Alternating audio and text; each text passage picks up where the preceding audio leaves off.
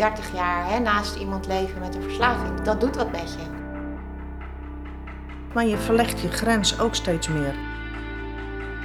Hij had drank wel nodig om te kunnen functioneren.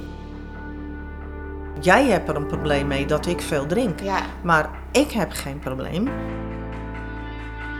Ik stond heel machteloos. Ja. Ja. Het is geen leven met iemand in verslaving. Nee. Het is voor jezelf niet te doen. Die gesprekken hebben er uiteindelijk voor gezorgd dat ik voor mezelf ben gaan kiezen.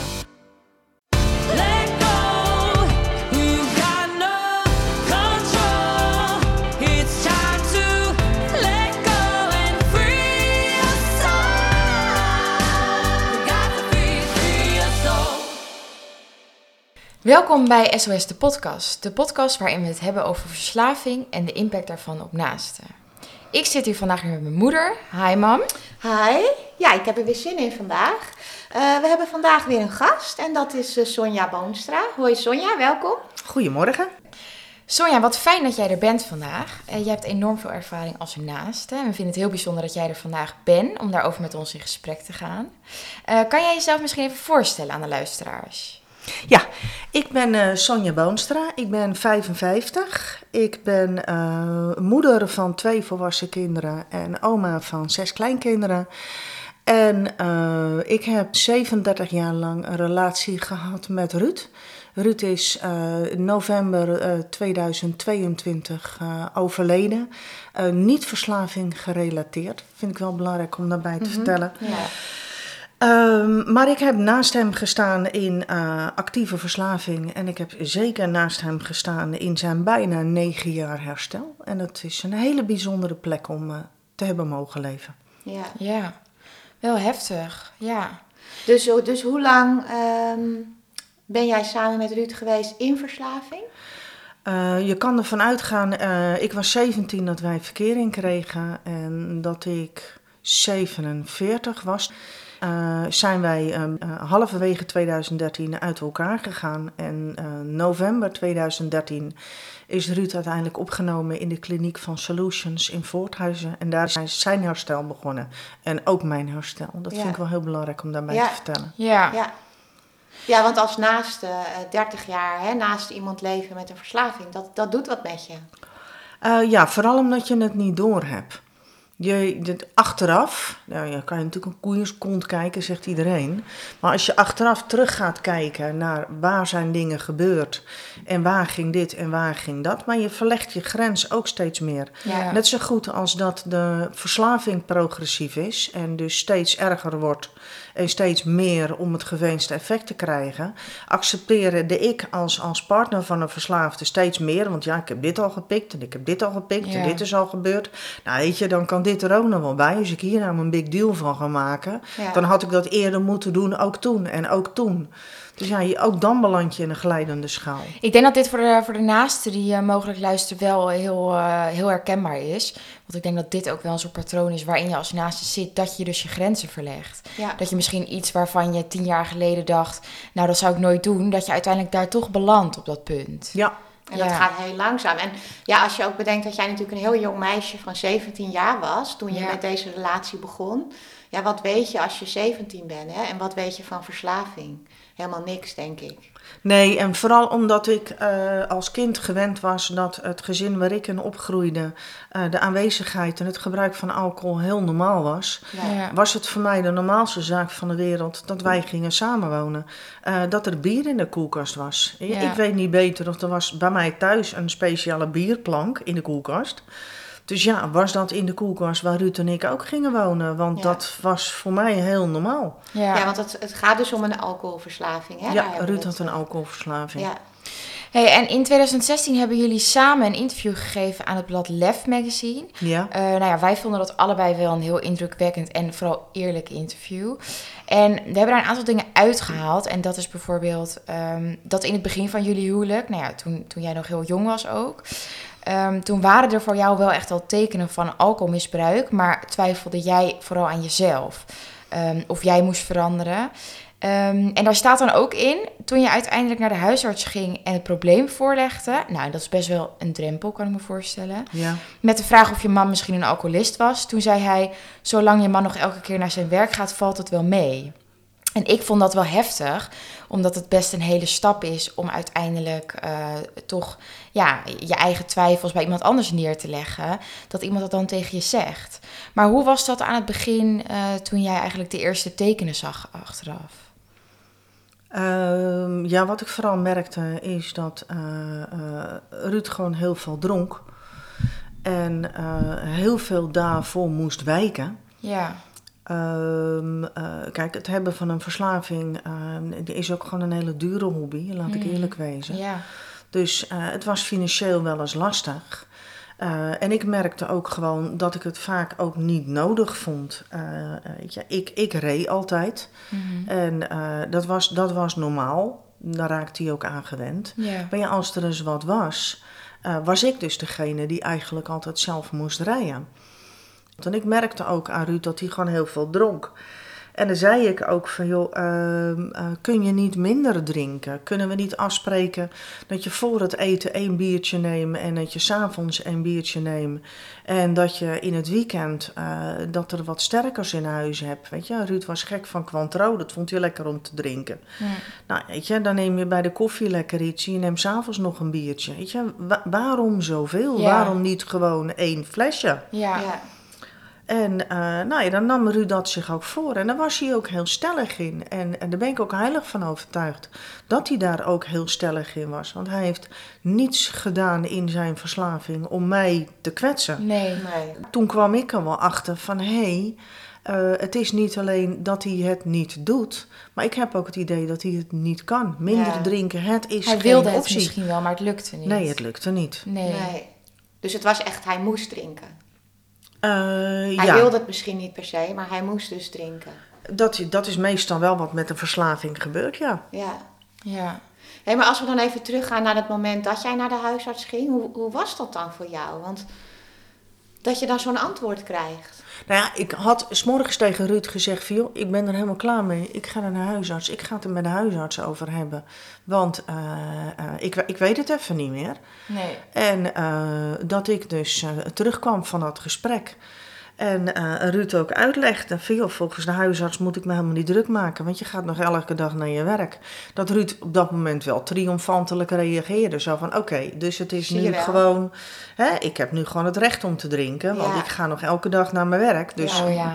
dus, ja, dus jij hebt een probleem. Oh. Het, jij hebt er een probleem mee dat ik veel drink. Ja, Maar ik heb geen probleem. nee. Nou, en zeker als iemand zoals een huisarts dan dat ook zo zegt. Ja, Ja, dat, dat blies jou natuurlijk omver en dat gaf hem natuurlijk allerlei... eh, ja dat gaf hem echt een vrijbrief. Zo van, Ja. oké, prima. Ja, En hoe is dat dan daarna gegaan? Want dan eh, is dat dus het moment dat je thuis komt en dat je dat eh, bij Ruud aangeeft. Ehm, dus eigenlijk voor hem een soort vrijbrief om gewoon door te gaan met wat hij doet. ja. Maar hoe is dat daarna gegaan? Want ja, ja, op een gegeven moment merkte jij wel van, nou ja, de huisarts kan dat wel zeggen, maar er gaat toch iets niet goed. En ik ben er eigenlijk toch wel klaar mee. Ja. Ja, dat was het moment dat eh, Ruud dan zei van ja, maar weet je, ik, ik drink inderdaad ook wel veel, dus het kan wel minder, maar ik ga niet stoppen met drinken, want dat is niet nodig, want ik ga nog naar mijn werk, maar ik ga er wel op letten. Oh ja. Tot ik dan wat beter op Ruud ging letten en ik dan zag van hoe kan dat nou? Er staat één biertje op tafel en je kijkt hartstikke dronken uit je ogen, wat gebeurt er? Oh ja. En dat ik op een gegeven moment naar de schuur ging omdat ik wat zocht. En daar zag ik eh, eh, open, aangebroken, net leeggedronken flesjes bier. Dat ik denk van, oh, wacht even. Dus één op tafel en de rest drink je in de schuur. En toen merkte ik van, hé, hey, maar er is veel meer aan de hand. Ja, dus hij was echt bezig met, met alcohol verbergen en eigenlijk om te zorgen dat jij het dan misschien minder door zou hebben. Ja, Ja. ja. omdat Ruud wist dat op het moment dat hij dus veel zou drinken in mijn bijzijn... eh, dat dat mij heel erg van streek zou maken. En het laatste wat hij wilde was mij van streek maken. Ja. Maar hij had drank wel nodig om te kunnen functioneren. ja. En op een gegeven moment staat er ook in het interview eh, dat het ook jullie kinderen ging opvallen dat er iets niet klopte. Bijvoorbeeld dat hij dan extra biertjes haalde als jij naar je werk was. Dat lijkt me ook wel heftig, dat dan dus niet alleen het jou opvalt, maar ook, ook de kinderen.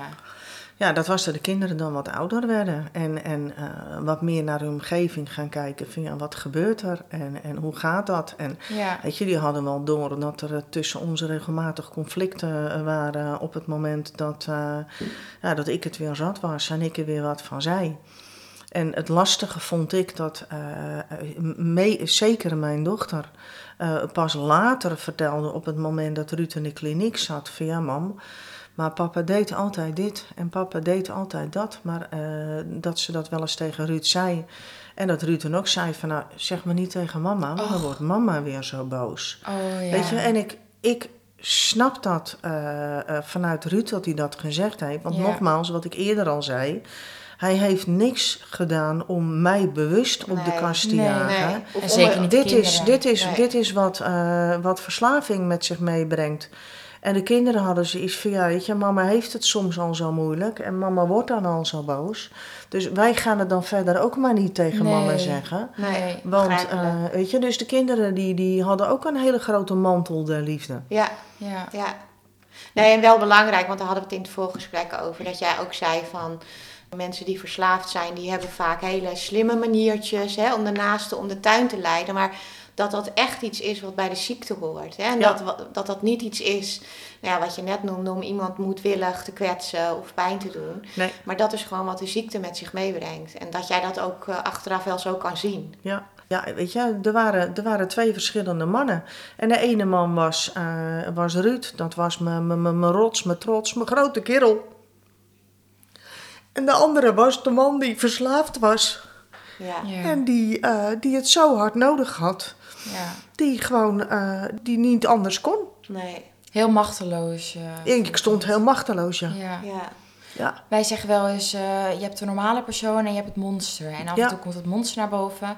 En dan kan je geen zaken meer doen met de normale persoon. Nee, nee. wat ik eh, in, in de meetings heb geleerd, eh, waar ik graag kwam eh, eh, in, in het herstel van Ruud, is eh, dat je hebt de persoon zelf en je hebt de verslaafde, twee totaal verschillende. Ja. En de verslaafde wordt ook heel vaak slik genoemd.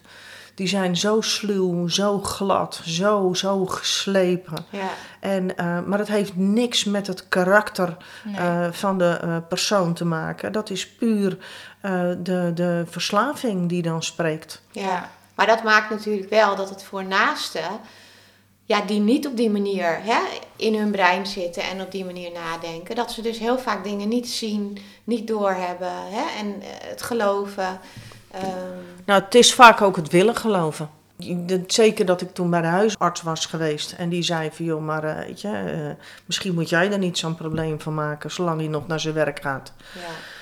Dat ik op een gegeven moment ook dacht van ja, moet ik op alle slakken zout leggen? Moet ik, moet ik overal wat van zeggen? Moet ik overal wat van vinden? Weet je, laat maar. Ik ga wel dit en ik ga wel dat. Dus jij ging eh, wel aan je eigen gevoel twijfelen eigenlijk. Je gevoel zei, dit is Ja. niet goed en dit klopt niet. Nee. Dus, eh, maar de- toen ben je daar wel aan gaan twijfelen. Ja, Ja, je eigen waarneming op een gegeven moment. Ja. Dat ik Ja. eh, een, een lege fles drank vond en eh, dat ik de dopper afdraaide en dat ik rook en dat er een hele sterke alcoholgeur uitkwam. En dat ik aan Ruud vroeg van, joh, maar hoe, hoe kan deze fles nou eh, daar liggen? Ja, nee, maar die, toen was ik gestopt met drinken en dat ben ik nog steeds. En die fles ligt er al heel erg lang. je bent vergeten. En ik ben hem vergeten op te ruimen. Ik vind het heel vervelend voor je dat je hem gevonden hebt. En dat vond hij ook heel oprecht. Dat, hij, Ja. dat ik het vervelend vond dat ik hem vond. Ja, En ook toen ben ik dus in twijfel, heb ik de huisarts gebeld. Van joh, wat moet ik nu? ja. Ik vind een fles drank, die is leeg. Ik ruik eraan, er zit een sterke alcoholgeur aan. Maar is dit nou wel of geen oude fles? Ik weet het gewoon Nee. niet meer. nee, nee. En toen ben ik wel door de huisarts op consult gevraagd. En toen ben ik gesprekken gaan voeren bij de praktijkondersteuner. En eh, die gesprekken hebben er uiteindelijk voor gezorgd dat ik voor mezelf ben gaan kiezen. Ja.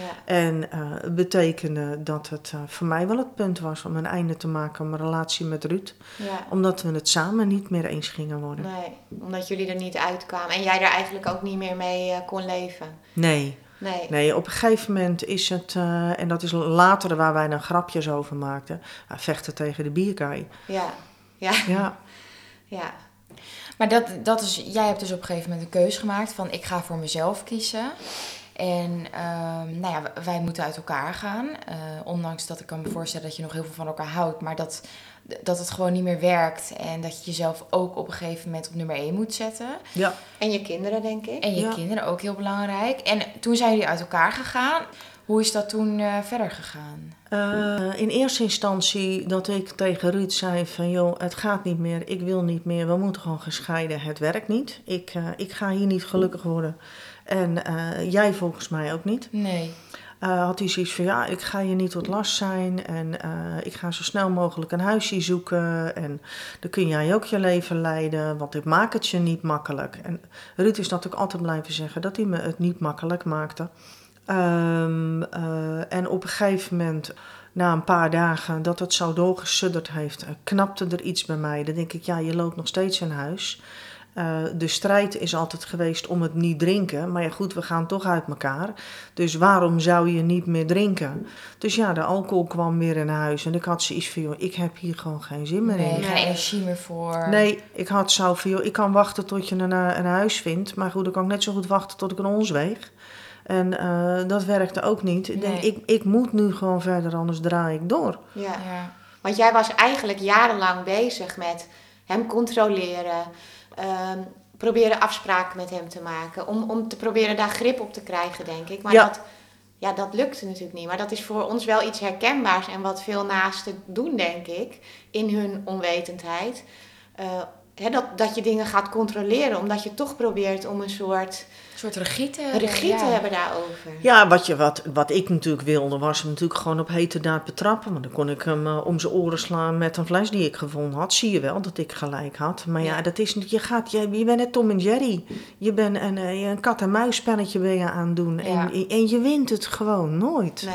En als je relatie alleen maar een strijd is, is het voor jezelf niet goed. Nee. En, en achteraf help je daar de verslaafde natuurlijk ook niet Nee, mee. Weet je, ik heb de klassieke fouten gemaakt, drank gevonden en voor zijn ogen in de gootstijn leeggegoten. Ja. Dat is de, achteraf denk ik, jongen, het is pure mishandeling op dat moment. Ja. Maar dat weet je niet, want je doet het alleen maar uit, uit boosheid. Ja. En, en, en zo van, nou, er is geen drank, dus je kunt niet drinken. Dus je stopt gewoon met drinken. Ja. Doe niet zo Nee, en ik stom. denk dat dat misschien wel goed is om nog even uit te leggen. Want hoe, hoe bedoel je, ehm, als pure mishandeling, omschrijf je dat dan even, maar hoe bedoel je dat? Dat je dan... Ja, iemand die een eh, verslaving heeft, heb ik geleerd in eh, de vele meetings die ik gevolgd heb en de gesprekken die ik ook heb met, eh, met diverse counselors. Iemand die een verslaving heeft, heeft het ook nodig, het middel om, om overeind te blijven. En overal cold turkey zomaar mee stoppen zonder begeleiding. Mm.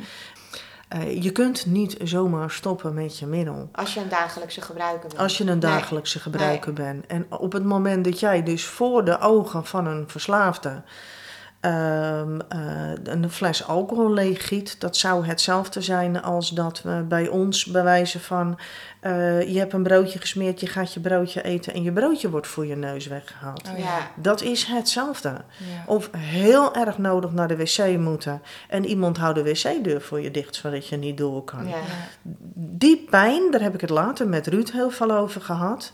Dat gevoel, dat is heel erg vergelijkbaar met dat je dus de drank van iemand weggooit. Ja. En dat had natuurlijk geen zin, want het is natuurlijk niet zo als jij iemands drank vindt en je gooit het weg, dat zijn verslaving daarmee weggaat. Nee, Zo werkt het natuurlijk niet. nee, Maar maar ik snap wel dat, Ja. je, dat je het gedaan hebt, hè? dat snap ik heel goed. uit boosheid. Ja. Ja. Hey, Ja. en even vanuit jouw ervaring, stel je voor, je bent ernaast en eh, nou, je zit in dezelfde situatie. Wat zou je dan moeten doen in plaats van een fles drank door de grote steen gooien? Want het, lijkt, het zou mij ook het meest eh, eh, logische lijken in die zin. Ja. Ehm, ja, sowieso drank niet weggooien. Maar wel zo van, joh, ik heb dit gevonden. Eh, alleen één op één met een, met een actieve verslaafde ga je het voor jezelf niet redden. En Nee. die strijd die ga je niet redden. Nee. Wat mij geholpen heeft, is dat ik uiteindelijk bij de praktijkondersteuner terecht ben gekomen. En zelf sterker ben geworden en naar mezelf ben gaan kijken. Wat wil ik en wie ben ik? En ja. eh, ik kwam er steeds vaker achter dat eh, ik er niet voor kon zorgen dat Ruud zou gaan stoppen met drinken. Nee. Maar Wat ik ook deed, toch ging ik op mijn kop staan. Drank weggooien, lief doen, eh, gemeen doen, eh, weggaan, terugkomen. Het maakte niet uit wat ik deed. nee. Maar ik hielp mezelf er ook niet mee. nee.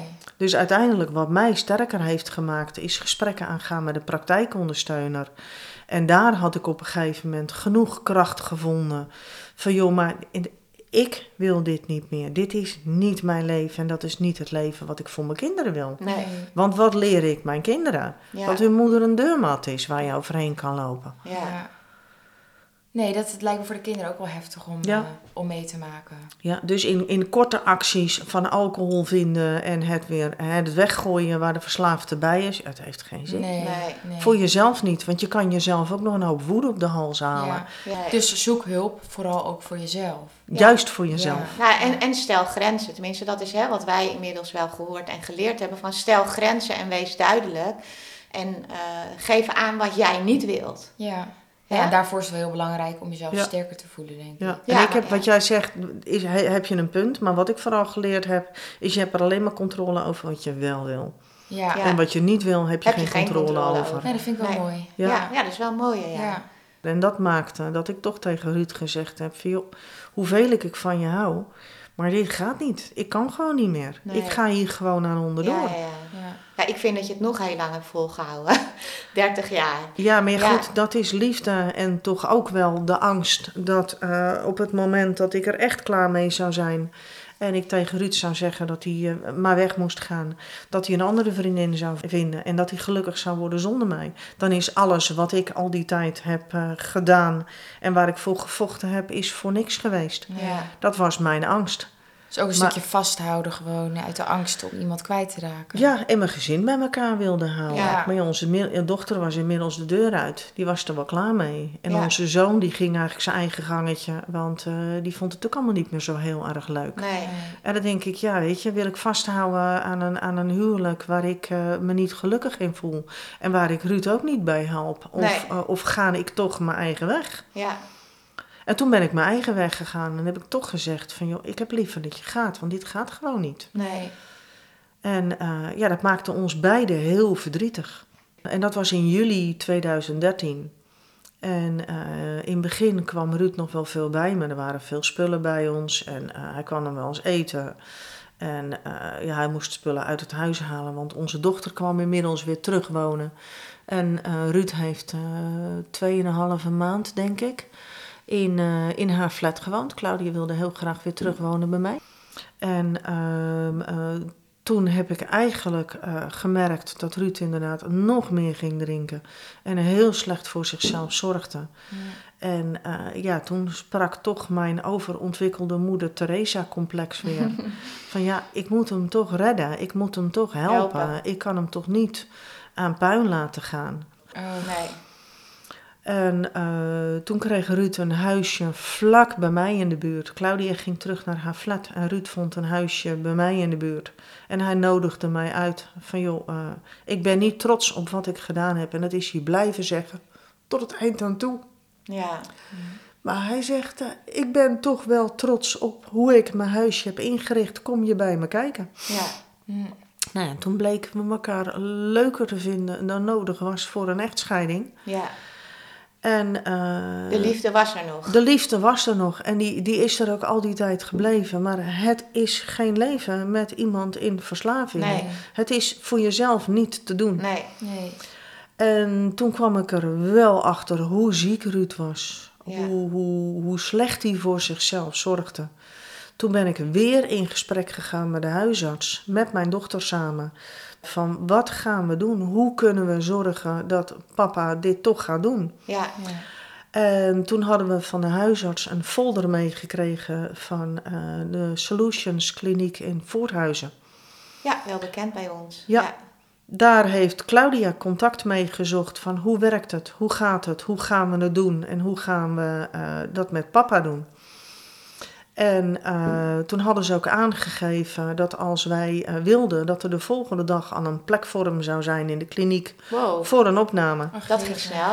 Ja, 2013, dat was echt wel, ja, wij noemen het de glorietijd. En wat bedoel je daarmee? Eh, dat was de goede tijd. Op het moment dat jij dan eh, hulp nodig had, Dan was het er ook. was het er ook. Ja. En eh, eh, we konden dan ook gewoon heel snel terecht. Dus Maar, maar wist Ruud dat al? nee, Nee. Nee. Hoe ging dat? Eh, een hele goede vriend van mij, mijn werkgever toen die tijd en onze accountant, die wist van de financiële situatie waar we inmiddels in beland waren. Want dat was niet goed? Dat was niet best. Nee. En we waren getrouwd in gemeenschap van goederen. Dus op het moment dat Ruud om zou donderen met zijn bedrijf wat hij had, een eenmanszaak, zou ik daarin meegenomen worden. Ja. En Ruud heeft altijd gezegd dat hij wilde scheiden van mij officieel voordat het zover zou zijn. Want Ja. hij wilde mij niet meesleuren in zijn eh, Ja. financiële shit, zeg maar. ja. Eh, en we stonden er gewoon heel slecht voor. Eh, qua gezondheid ging het gewoon heel slecht met hem. En wij merkten gewoon dat er iets moest gebeuren. Dus wat wij gedaan hebben, is wij hebben een, zelf een interventie omgezet. Ja. Eh, dus wij wilden hem confronteren met zijn, eh, met zijn verslaving en de kans die hem, hem wilde bieden. Maar daar waren we wel heel duidelijk in. En wij waren dus de accountant, ehm, eh, Lars en Claudia, onze kinderen, en ik. Ja. En eh, op de achtergrond had ik het mobiele nummer van onze huisarts gekregen. Oh, wat goed. En op het moment dat eh, er dus wat zou gebeuren, dan mocht ik altijd de huisarts bellen en die zou erbij kunnen komen. Oké. Eh, ik heb Ruud gebeld van joh, vanavond ben ik bij je. Ik was vaker bij hem, dus dat hoefde ik op zich niet heel bijzonders over te doen. En, eh, en ik stond dus om, eh, om half acht bij hem voor de deur, met de kinderen en met de accountant. En toen zag ik al aan zijn snuit van, ho, wacht even. Hij voelde nattigheid. Hij voelde nattigheid. Ja. En eh, nou ja, we zijn gaan zitten. Nou ja, ik hoef je niet uit te leggen dat Ruud al wat slokjes op had. Ja. De accountant is het financiële plaatje voor hem gaan leggen. Ruud, zo ver sta je ervoor. Dit is wat er gaat gebeuren. Hierin sleur je zon mee. Hierin sleur je je kinderen mee. En eh, je hebt straks niks meer. Eh, dus er moet wat gebeuren. En als ik zo naar je kijk, zie ik ook inderdaad dat er wat moet gebeuren. En we hebben het beste met je voor. Ja. En toen gaf hij mij het woord. En toen heb ik eigenlijk heel simpel tegen Ruud gezegd: van, joh, moet je luisteren. Je kan kiezen of delen. Of je gaat nu wat aan je probleem doen.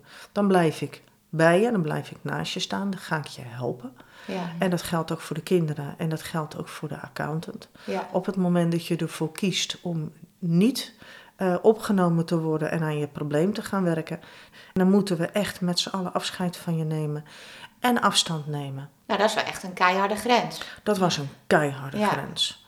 En hoe voelde dat voor jou om dat, om dat te zeggen? Want dat lijkt me, was je ook bang dat hij misschien zou zeggen: ehm, Ik wil niet mijn problemen oplossen, dus ga maar? Eh, nee, ik was niet bang. Eh, want ik wist, dat had Ruud de paar dagen ervoor al tegen me gezegd. Van, eh, ik, ik wil niet zonder jou. En ik Ja, wil ja. ook niet zonder de kinderen. Nee. Nee. Want zonder jou ben ik niks. En ik denk dat hij, vul ik dan in hoor, maar ook wel voelde in zijn eentje, in dat huisje, waar hij niet goed voor zichzelf zorgde ook, dat er misschien wel een dieptepunt was. Denk ja, je dat hij dat ja, dat was zijn rock bottom. Ja. En ja, hij had absoluut bij mij ook gezien dat ik wel mijn leven oppakte. Dat ik mijn eigen dingen deed. Ja, En eh, dat ik voor mezelf zorgde. En dat, ik, eh, en dat vond hij lastig. ja, Weet je, hij hoorde van feestjes waar ik heen ging. Eh, hij zag dat als hij wat bij me kwam halen, dat ik altijd wel visite had of gezelschap ja. of zo. Dat jouw leven eigenlijk doorging zonder Ja, hem. ja, Ja, dus daar waar ik eigenlijk altijd bang voor was geweest, wat mij zou overkomen op het moment dat ik los zou komen van hem, overkwam dat hem. maar zo andersom. Ja, en daar raakte hij heel erg van in paniek. Ja, Dus Ruud heeft ervoor gekozen om, eh, om wel in herstel te gaan. Dan moet je nagaan.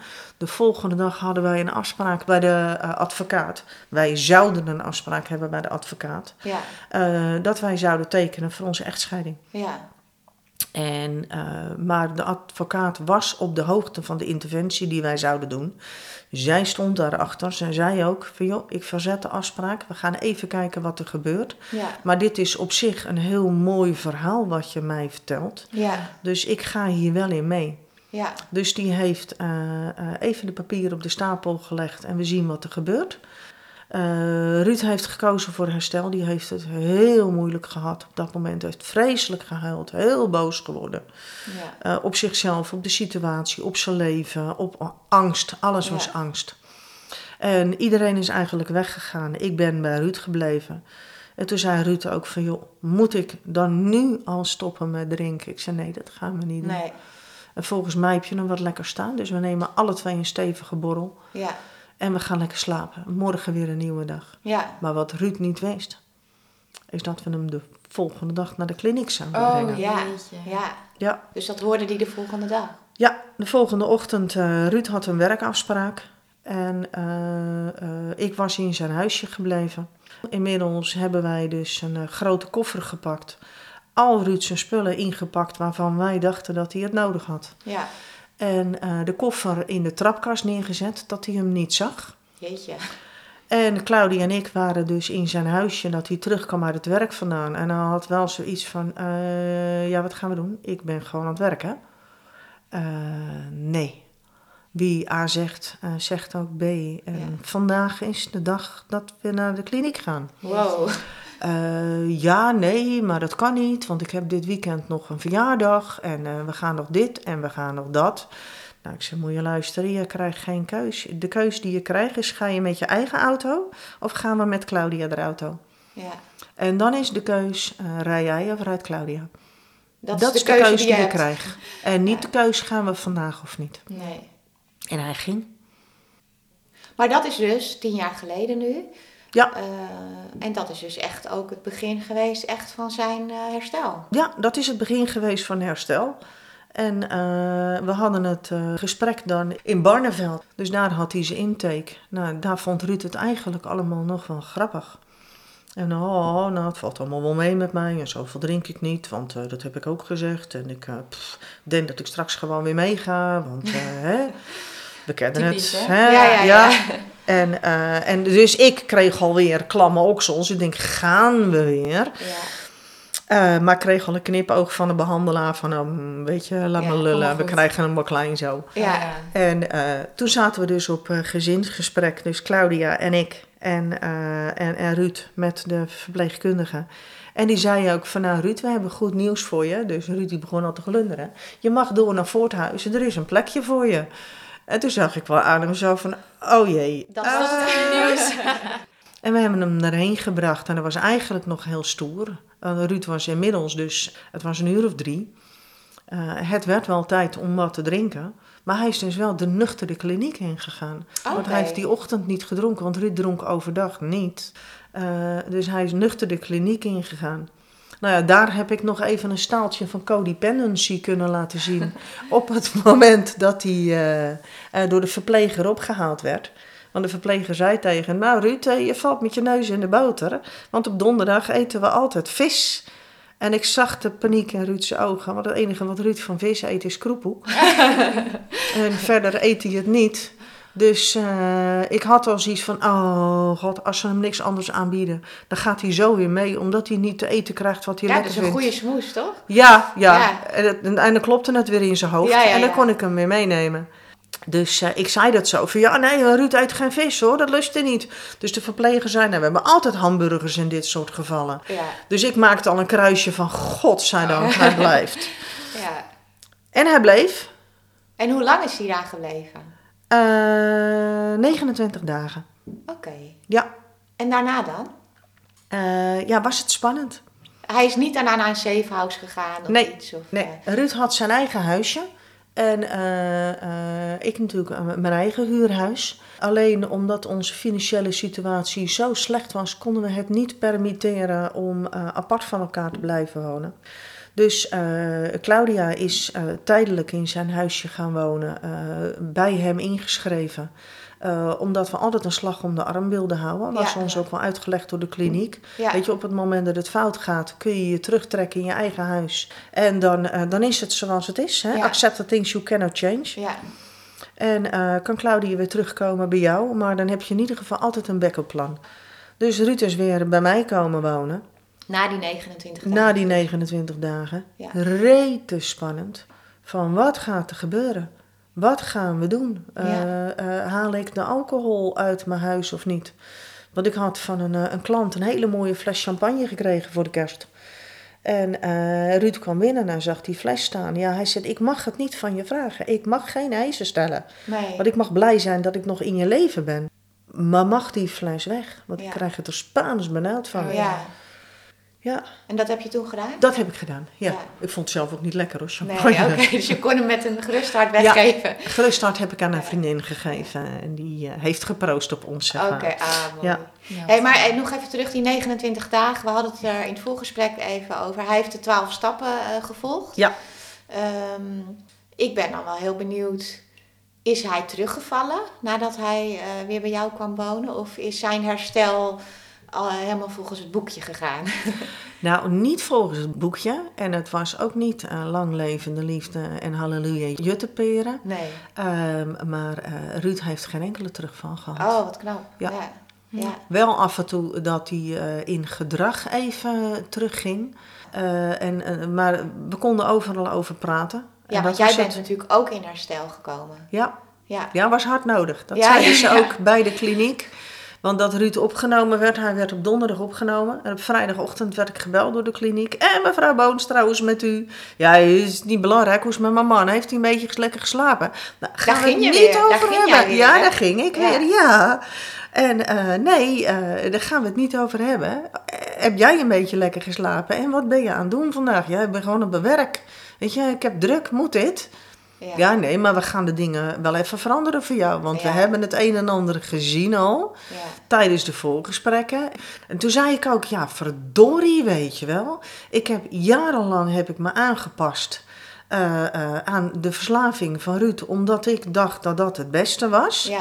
Nou ben ik eindelijk zover dat ik hem eruit knikker. En eindelijk zover dat hij in de kliniek zit. En nou ga jij tegen mij zeggen dat ik therapie nodig heb Ja.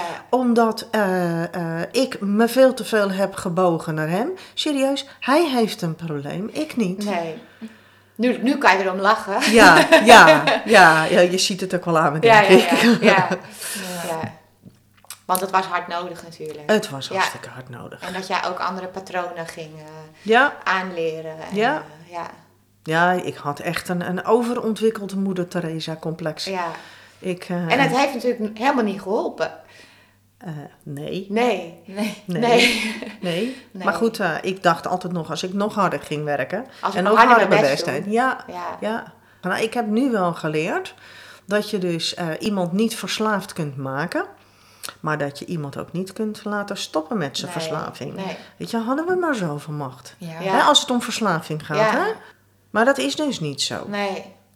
En jij vertelde dat je heel veel eraan gehad hebt dat je eh, naar meetings bent geweest met anderen naast. Hè? Ja, Eh, dat dat jou gewoon ontzettend geholpen heeft. ja. Wij gingen eh, samen twee keer in de week naar, naar meetings. Op dinsdagavond was er een meeting in Amsterdam met een, een hele fijne groep. En op eh, donderdagavond was een hele fijne groep in de kliniek in Voorthuizen. En dat was voor Ruud altijd thuiskomen. Ja. Weet je, hij zei het ook, hoe dichter hij bij Voorthuizen kwam, Ja. dan ben ik thuis. Ja. Wat bijzonder. Ja. En zo voelde het voor mij ook. Ja. Ja. ja, omdat jij ook een stukje herkenning en begrip eh, Ja. had daar. Ja. Ja. Ja, daar heb ik eh, de man gevonden eh, die zat onder de laag van eh, onzekerheid en angst. Ja. In onze vorige afleveringen ja, komt dat eigenlijk elke keer bij aan bod. Ja. Eh, er zit altijd iets achter verslaving, hè, Ja. er iets onder. Ik vond het ook mooi, ik heb het eh, interview gelezen met, met jullie in, in Lef Magazine. Ehm, waarin Ruud ja, eigenlijk het heel mooi vertelde. Voor mij heel duidelijk uitlegde dat hij ehm, ja, na zijn herstel geen behoefte meer had aan alcohol. Maar wel om zijn hoofd leeg te maken. En dat hij uiteindelijk geleerd heeft door zijn behandeling. ehm, ja, dat hij dat dus niet moest doen door zich te verdoven, hè, wat hij zich had aangewend. Eh, maar door ermee te dealen en ehm, ja, zijn hoofd leeg te maken door andere dingen. Bijvoorbeeld een hobby, hè, erover praten. Ja, zijn meetings natuurlijk. Ja, Ehm, Ja, dat geeft wel aan dat er altijd iets onder zit. Ja, ja. Dat hij dus ehm, zei van... Ja, daarmee kon ik mijn hoofd leegmaken. En op een gegeven moment kwam er een moment dat ik mijn emoties niet meer kon verdrinken. Maar dat ik ermee om moest gaan. ja, Ja, en Ja. dat hij dat echt wel geleerd heeft hè, in, bij Solutions door de twaalf stappen. ja, Om daarna te gaan kijken. ja. En weet je, Savello's waren gewoon, dat was gewoon zijn familie. En niet dat hij zijn eigen familie niet had, hè? want Ruud heeft een, een broertje en, en eh, zijn moeder en eh, zijn vader die eh, twee jaar terug is overleden. Maar Ruud kwam uit een heel hecht gezin, uit een hele hechte familie. Een hele fijne, warme familie. Ja, fijn voor hen ook dat zij hebben meegemaakt dat hij nog negen jaar in herstel is geweest. Ja, Hè, voor jullie allemaal, dat je Ja. Eh, negen jaar toch een andere Ruud hebt kunnen zien. ja.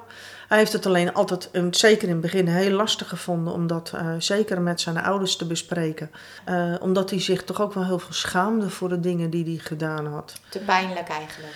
Ja, Ja, En ja, dat, dat, dat vond hij lastig om over te praten. Hij was ook heel bang dat mensen hem niet begrepen.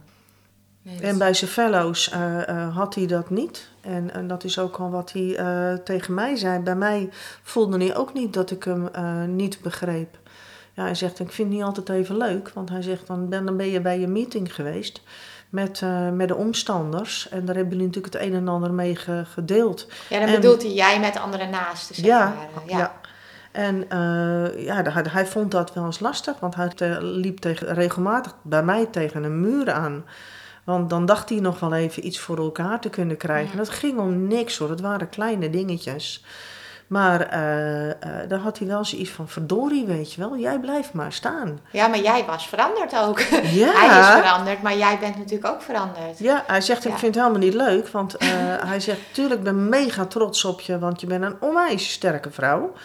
Maar ja, hij zegt, het is voor mij niet makkelijk om, om dingen voor elkaar te krijgen. Want jij staat waar je staat. Ja, En later, hij kwam er ook altijd op terug. Dat is ook wat hem sierde. Hij kwam Ja. er altijd op terug. Son, je hebt gelijk. ja, oh ja. Ja, Ja. hey, en ehm, nou ja, we hadden het erover. Jij bent veranderd. Hè, je hebt een heel proces doorgemaakt. Ehm, maar wat kun je daarover vertellen met betrekking tot de stichting Be Aware? Dat vind ik wel heel interessant om dat ook nog eventjes eh, in de podcast te bespreken. Ja, ik ben in contact gekomen met Stichting Be Aware, met eh, Kelly en eh, Stefan Roelofs. Want kun je uitleggen voor de luisteraars, wat is Stichting Aware? Stichting Be Aware is een stichting die voorlichting geeft op eh, middelbare scholen over heel veel onderwerpen, maar met name verslaving. Wat eh, verslaving eh, doet eh, met, met een omgeving, met een kind. Voorlichting geven over verslavende middelen, over hoe, hoe herken je een verslaving. Maar ook voorlichting geven over pesten, over erbij horen, groepsgedrag, groepsdruk. Daar geven zij voorlichting over op scholen. En het is een hele mooie stichting. Ik heb hun leren kennen eh, eh, op weekenden die georganiseerd werden vanuit de kliniek. Daar heb ik ook geleerd delen is helen. Ja, nou dat zeker, ja. Ja, en daar heb ik eh, Kelly en Stefan leren kennen. En via Facebook op een gegeven moment bij Kelly een oproep gezien van joh, wie vindt het leuk om als naaste te helpen met voorlichting geven op scholen. Ja. Toen ben ik dat gaan doen samen met Marije Vink. En Marije is een meisje die eh, qua leeftijd mijn dochter kan zijn. En Ja. zij heeft een eh, verslaafde moeder, stevig in herstel. En eh Marije en ik zijn eigenlijk de moeder-dochter combinatie bij het geven van voorlichtingen Op middelbare school. op middelbare Oh, scholen. wat mooi. Ja, Ja, en dat heb ik een aantal jaren mogen doen. En dat is, ja, het is prachtig om te doen. De begeleiding vanuit BioWare is heel goed. Je krijgt een heel mooi draaiboek, een heel mooi programma. Het enige wat je eigenlijk als naaste ja, hoeft te doen is vertel je verhaal. ja. Eh, luisteren naar wat de kinderen te vertellen hebben. Of de vragen misschien. Of te vragen, ja. En eh, wij als voorlichters, zeg maar, hè, die deden puur de voorlichting en waren er op dat moment voor de kinderen.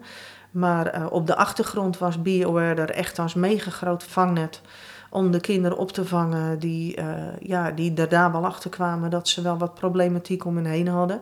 Ja. Wat goed zeg, wat fijn dat dat er is. Ja, hele goede nazorg vanuit de Be Aware, maar ook voor ons.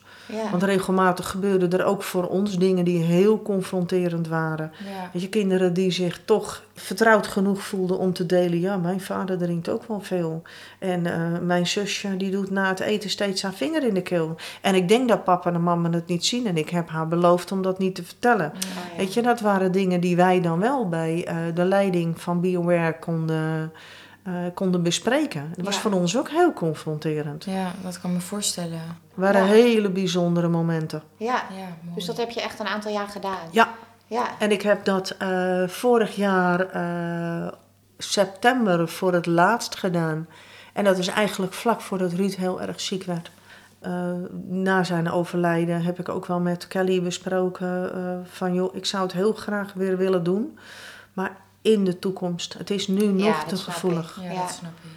Ja, nou ik vind het ook heel dapper dat je hier nog geen jaar later, Ja. hè, na het overlijden van je man, dat je hier je verhaal doet. Ja. Krachtig. Ja, Ja. omdat ik het gewoon belangrijk vind dat eh, zijn herstel heeft ons zo ontzettend veel gebracht. Ik heb van een vriendin geleerd, eh, het is niet alleen herstel, maar door zijn herstel zijn wij ook weer een herstel geworden. Ja. En zijn wij ook weer bij elkaar gekomen. Ja.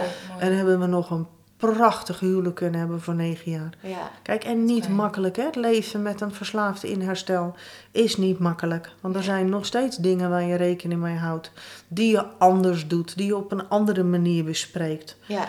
Maar eh, de diepgang die wij kunnen hebben in, in ons huwelijk de afgelopen negen jaar... Ja, is alles dubbel en dwars waard geweest. ja, mooi. Bijzonder. Ja. En samen kunnen genieten van een aantal kleinkinderen. Ja, ja we hebben een hele zwerm, we Ja. zes. Ja. Mooi. Hey, en wat ik nog als laatste wil vragen aan jou. ehm, wat zou je andere naasten die hier echt nog middenin zitten willen zeggen? Eh, het enige wat je kan doen is voor jezelf zorgen. En hoe beter je leert om voor jezelf te zorgen en hoe beter je leert om je grenzen aan te geven, eh, hoe lastiger het voor de verslaafde is om vat op je te krijgen. Ja. Ja. Kijk, en ik, ik zal nooit tegen iemand zeggen: jullie moeten uit elkaar, want dat bepaal ik niet. Maar het is wel belangrijk dat je eh, leert om voor jezelf te zorgen, voor jezelf op te komen. Van wie ben ik nou eigenlijk, wat ben ik nou eigenlijk aan het doen? En helpt het mij wat ik aan het doen ben? Ja. En hoe sterker je daarin wordt van hé, hey, wacht even, maar er gebeuren te veel dingen die ik niet wil. Wat wil ik nou eigenlijk wel? Ja. En dat is ook wat Ruud mij continu terug heeft gegeven. Hoe sterker jij bent en hoe rechter je rug is en hoe meer jij doorhebt eh wat, wat ik doe en wat je eigenlijk niet accepteert, hoe makkelijker het voor hem ook werd om, eh, eh, om op het rechte pad te blijven. Ja. Ja. Heel mooi gezegd. Ja, dus Ja. zorg voor jezelf. Zet Ja. jezelf op nummer één. Ja. Ja. Ja. Nou, ik denk dat we je allebei heel erg willen bedanken voor je openhartigheid Ja, en je voor je eerlijkheid. Ja, om hier je verhaal te doen. en jullie dank je wel voor het eh, luisteren en het, eh, en het aanmoedigen en de troost. Ja, Graag geen dank. gedaan. Nou, dankjewel. Dankjewel. En voor de luisteraars, eh, ja, tot de volgende keer. Ja, nou, adios. Adios.